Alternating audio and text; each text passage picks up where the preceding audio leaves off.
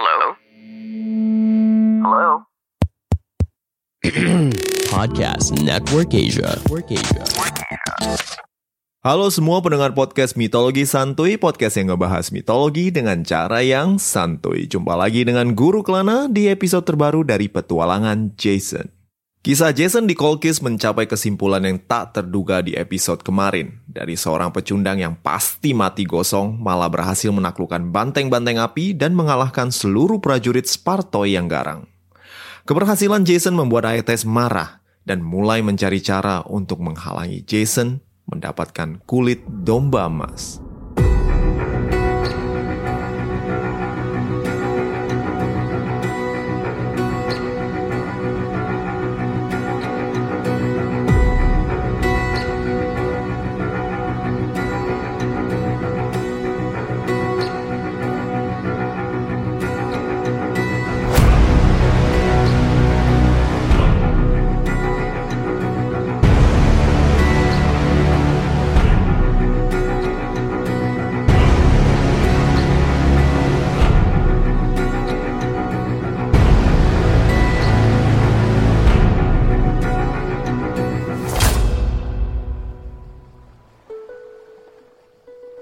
Dia, tangkap dan penjarakan dia.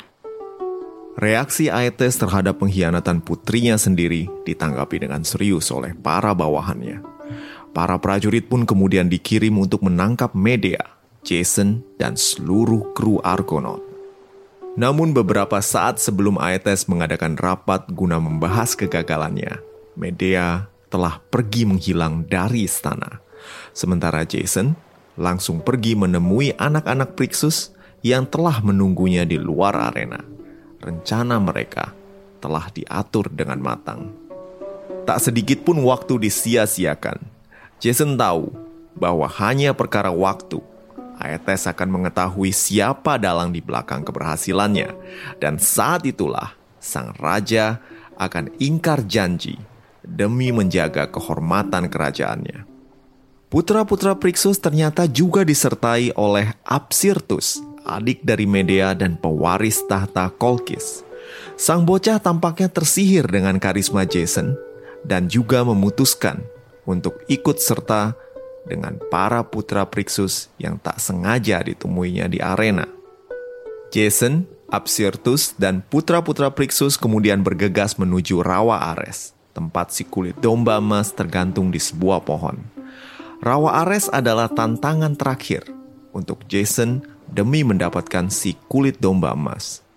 Namun bukan sang dewa perang Ares yang akan dihadapi oleh mereka, tapi seekor naga ganas yang tak pernah tidur. Naga yang telah lama mendiami rawa ini, saksi akan betapa banyak keteledoran manusia yang mengira sanggup menaklukkan binatang buas yang gemar memangsa manusia ini.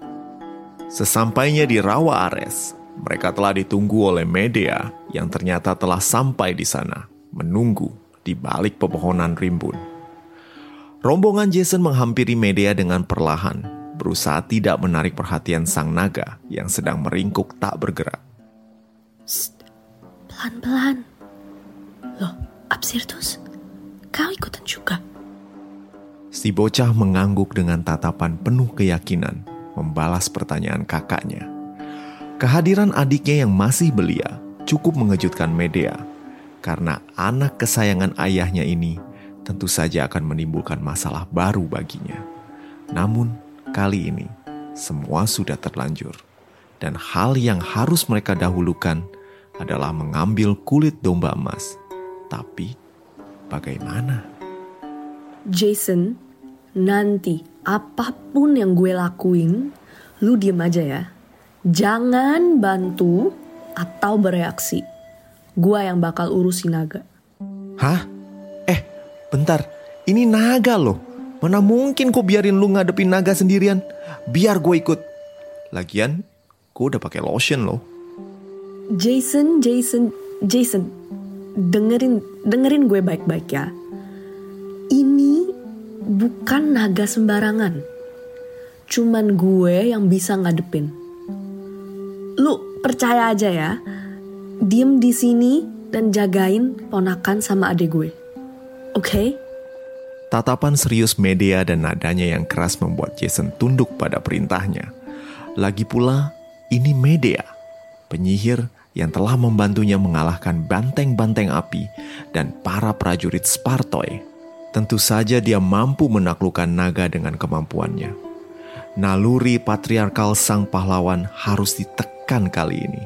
Apalagi jauh di lubuk hati Jason, dirinya tahu kalau dia tak mungkin bisa mengalahkan naga ganas yang ukurannya segede rumah dua tingkat tersebut.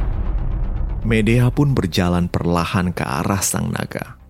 Langkahnya yang lincah kali ini bagaikan langkah seorang prajurit yang tengah akan menyergap musuh yang tidak waspada. Perlahan-lahan Medea berdiri berhadapan dengan sang naga yang langsung menyadari keberadaan manusia lancang berambut merah di hadapannya. Sang naga dengan lehernya yang panjang meliuk mengamati Medea. Kepalanya bergerak mengamati sang penyihir dari ujung kepala sampai ke kaki. Sementara Medea berdiri diam, tak bergerak. Sementara nafasnya mulai menderu. Tanda rasa takut mulai menjalar. Sang naga mencium rasa takut Medea dan kemudian mulai mendesis perlahan dan menarik lehernya ke atas, mendongak dan dengan raungan keras kemudian membuka rahangnya untuk menerkam dan menelan Medea bulat-bulat. Namun di saat yang menentukan, Medea mengangkat tangannya dan Edrugon o Zaldrizes, Edrugon se Jikagon, Nejot se vis hen Morpheus. Jason nyaris maju keluar dari persembunyiannya untuk menyelamatkan Medea. Namun apa yang dilihatnya kemudian menghalangi niatnya. Terkaman sang naga terhenti. Nyaris sebelum rahangnya hampir terkatup menelan Medea. Medea bahkan bisa merasakan nafas busuk si makhluk buas yang kini terpaku diam dengan mulutnya terbuka. Mata sang naga terasa berat, namun masih enggan untuk tertutup. Kepala sang naga mundur, dan matanya tampak seolah ingin terlelap. Namun tiba-tiba, sang naga seolah terlepas dari mantra media, kemudian membelalak dan dengan suara nyaring meraung.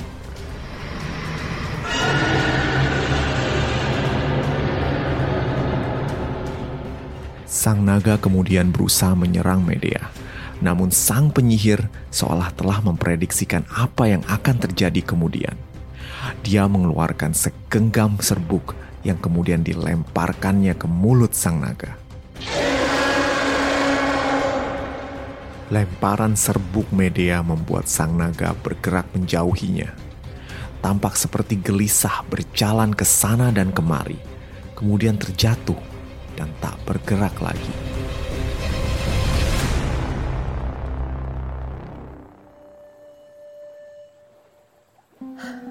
Dia tertidur. Ayo Jason, cepat, ambil kulitnya. Seru Medea kepada Jason yang kemudian keluar dari persembunyiannya. Jason dengan sigap memanjat pohon tempat si kulit domba peninggalan Prixus tersebut tertambat. Tak lama kemudian, kulit domba yang legendaris tersebut sudah berada di bahu Jason.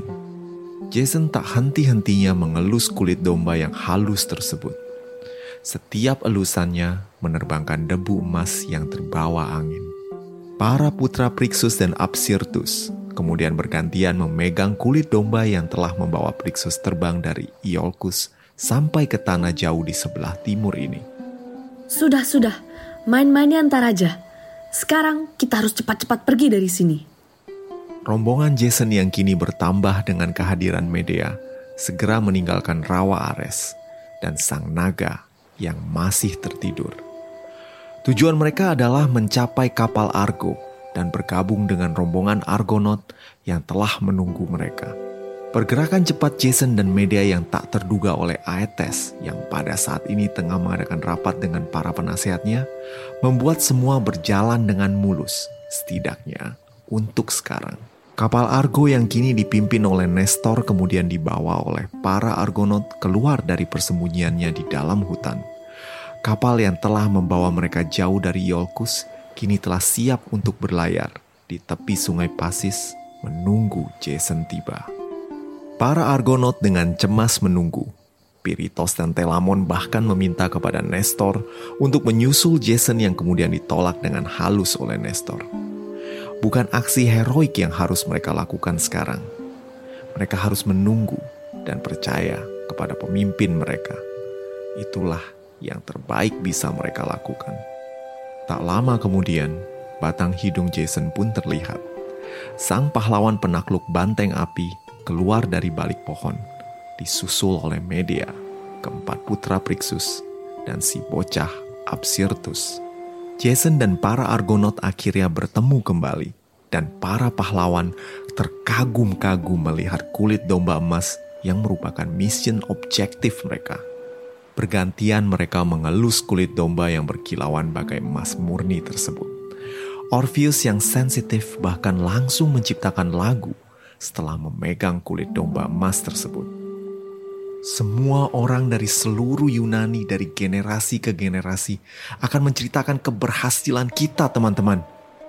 Para Argonaut yang telah lama bertahun-tahun berlayar dari Yunani akhirnya telah berhasil mendapatkan tujuan mereka. Raut kebahagiaan dan penuh sukacita terpampang di muka mereka semua. Namun Jason yang tahu ancaman yang akan segera datang dalam wujud amarah Aetes, kemudian menghampiri Nestor dan Ankeus. Nestor, Ankeus, kita hanya unggul satu hari dari tentara Aetes yang akan segera datang mengejar kita. Apa rencana kalian? Nestor dengan penuh pemikiran terdiam sesaat dan kemudian mengutarakan rencananya. Menurut Nestor, armada Aetes adalah yang terbaik di Laut Hitam dan hanya kalah oleh armada milik Minos di Kreta. Kapal Argo walaupun cepat bukanlah lawan satu armada. Tentu saja mereka akan terkejar di lautan lepas. Aetes telah mengetahui tentang hancurnya Bukit Simpel Gada dan pasti menduga mereka akan melalui rute kembali ke Kolkis melalui Selat Bosforus yang kini terbuka lebar seluruh koloni kolkis yang tersebar di pesisir Laut Hitam akan menjadi musuh kita. Kita harus mencari jalan yang lain. Jason terlihat bingung dengan usulan jalan lain yang dikatakan Nestor. Jalan lain? Mana ada? Laut Hitam adalah laut yang terkurung oleh daratan dan hanya memiliki celah ke laut lain melalui Selat Bosforus. Kalau mau balik ke Iolcus ya mesti lewat Bosforus, terus ke Laut Marmara, lalu Hellespont dan balik ke Iolcus. Kalau nggak lewat Bosforus, lewat mana lagi? Gimana kalau kita lewat Istros? Tanya Ankeus. Bingo, kata Nestor sambil mengarahkan jempolnya ke Ankeus. Istros adalah sungai panjang yang mengalir melalui kerajaan-kerajaan barbarian di utara Yunani. Tapi muara dari sungai Istros terletak di pesisir barat laut, Laut Hitam. Sekarang kita mengenali Istros dengan nama Sungai Danube. Nestor kemudian menjelaskan rute mereka kepada Ankeus dan ajudannya Euphemus yang kemudian menyusul mereka dalam diskusi.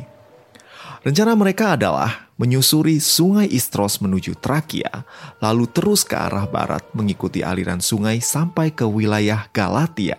Dan dari Galatia, mereka bisa berlayar ke arah selatan menuju pantai barat Italia, memutari pulau Sisilia dan kepulauan Ionia, lalu menuju semenanjung Peloponnes dan bergerak ke arah timur menuju Iolcus. Rute muter-muter ini pasti akan membingungkan armada Aetes yang mengira mereka akan mengambil rute langsung melalui Selat Bosforus. Rencana yang terdengar jenius ini kemudian disetujui oleh Jason dan sekali lagi kapal Argo berlayar menuju Pasis, kota pelabuhan Kolkis yang sampai saat ini belum menyadari kalau Jason dan para Argonaut bukan lagi tamu, tapi buronan. Nah, gimana kelanjutan cerita dari petualangan Jason dan para Argonaut selanjutnya? Jangan khawatir, minggu depan kita bakal lanjut lagi. Seperti biasa, sebelum bubaran, gue pengen ngucapin terima kasih untuk para pendengar yang udah dengerin cerita petualangan Jason dari awal sampai sekarang. Buat kalian yang ingin mendukung podcast ini, silakan hubungi gue di laman traktir mitologi santuy dan setiap kontribusi kalian akan sangat bikin gue happy. Oke, okay? that's it for now. See you again. Bye.